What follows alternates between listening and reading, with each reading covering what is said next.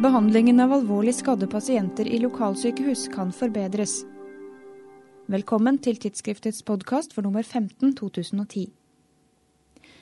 Mange hardt skadde pasienter trenger behandling som bare gis ved store sykehus, med tilgang til alle kirurgiske spesialiteter, intervensjonsradiologisk service og et avansert intensivmedisinsk tilbud. Noen ganger kan det være nødvendig med utredning og behandling nærmere skadestedet. Men når bør lokalsykehuset behandle pasienten selv, og når bør de sende rett videre? Er lokalsykehusene gode nok på traumebehandling? Trond Deli og kolleger ved Universitetssykehuset Nord-Norge har sett nærmere på dette. Alle alvorlig skadde som over en toårsperiode ble overført fra lokalsykehus i Nordland, Troms, Finnmark og Svalbard til Universitetssykehuset i Tromsø, er inkludert. Ja, Vi har kikket lokalsykehusene i vår region litt i kortene og sett hva de har gjort av billeddiagnostikk og stabiliserende kirurgi før de har flyttet eh, disse pasientene over til oss. Så vi har sett på en liten gruppe av eh, skadepasienter.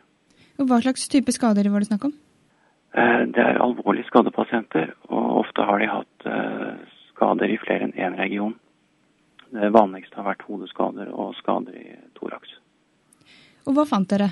Vi fant at de aller fleste nå har fått helt adekvat behandling og stabilisering, og helt riktig også overført til oss. Men en liten andel av disse pasientene kunne bedre både diagnostisert med røntgen og også stabilisert kirurgisk før overflytting. 74 pasienter inngikk i undersøkelsen. Den vanligste skadeårsaken var trafikkulykker og fallulykker, og de var på lokalsykehuset gjennomsnittlig fem timer før de ble overført til universitetssykehuset med luftambulanse. Seks pasienter måtte få nødkirurgi etter at de kom til sykehuset i Tromsø. Hos én ble ikke pneumotoraks oppdaget ved lokalsykehuset, og fire pasienter hadde blødning i buk eller bekken, som gjorde at de måtte få umiddelbar nødkirurgi da de ankom sykehuset i Tromsø. Hos tre av disse var skadene diagnostiserbare på røntgenbildene som var tatt på lokalsykehuset.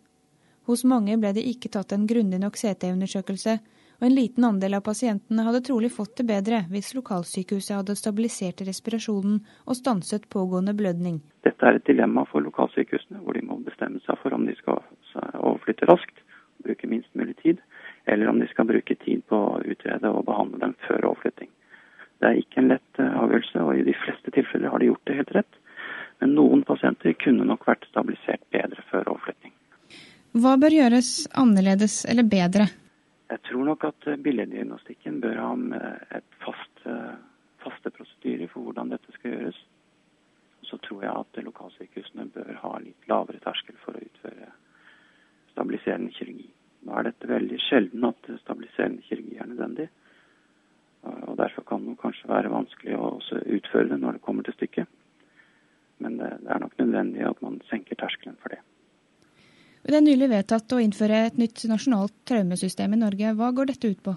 Det går ut på å organisere dette bedre på et regionalt nivå eh, i hele kjeden. Både de prehospitale tjenester, det som den planen velger å kalle akuttsykehus, altså de første sykehuset pasienten kommer til. Også traumes, regionalt traumesenter, som skal være ett av i hver region i Norge. Og det tar også for seg det siste leddet i kjeden, som er rehabilitering. Videre skal det være systematisk opplæring av helsepersonell både på individnivå og ferdighetsnivå og på teamnivå, altså tverrfaglige grupper som får opplæring sammen. Og Til slutt så skal man også søke å diagnostisere og behandle etter evidensbaserte retningslinjer. Det tror vi har, kan ha en veldig god effekt. Det gir oss et rammesystem for, for hvordan eh, forbedringer skal kunne gjennomføres. Og i, i dette det nasjonale traumesystemet er det jo foreslått en rekke tiltak for å bedre behandlingen av disse pasientene. Det syns vi er viktig. Det er også hensikten med vårt arbeid. At vi prøver å gi en veldig viktig gruppe pasienter best mulig behandling i hele kjeden. Og traumesystemet har enda flere forslag til hvordan dette skal gjennomføres. Du kan lese hele artikkelen til Deli og medarbeidere i tidsskriftet nummer 15. Jeg heter Eline Feiring, og vi høres igjen om to uker.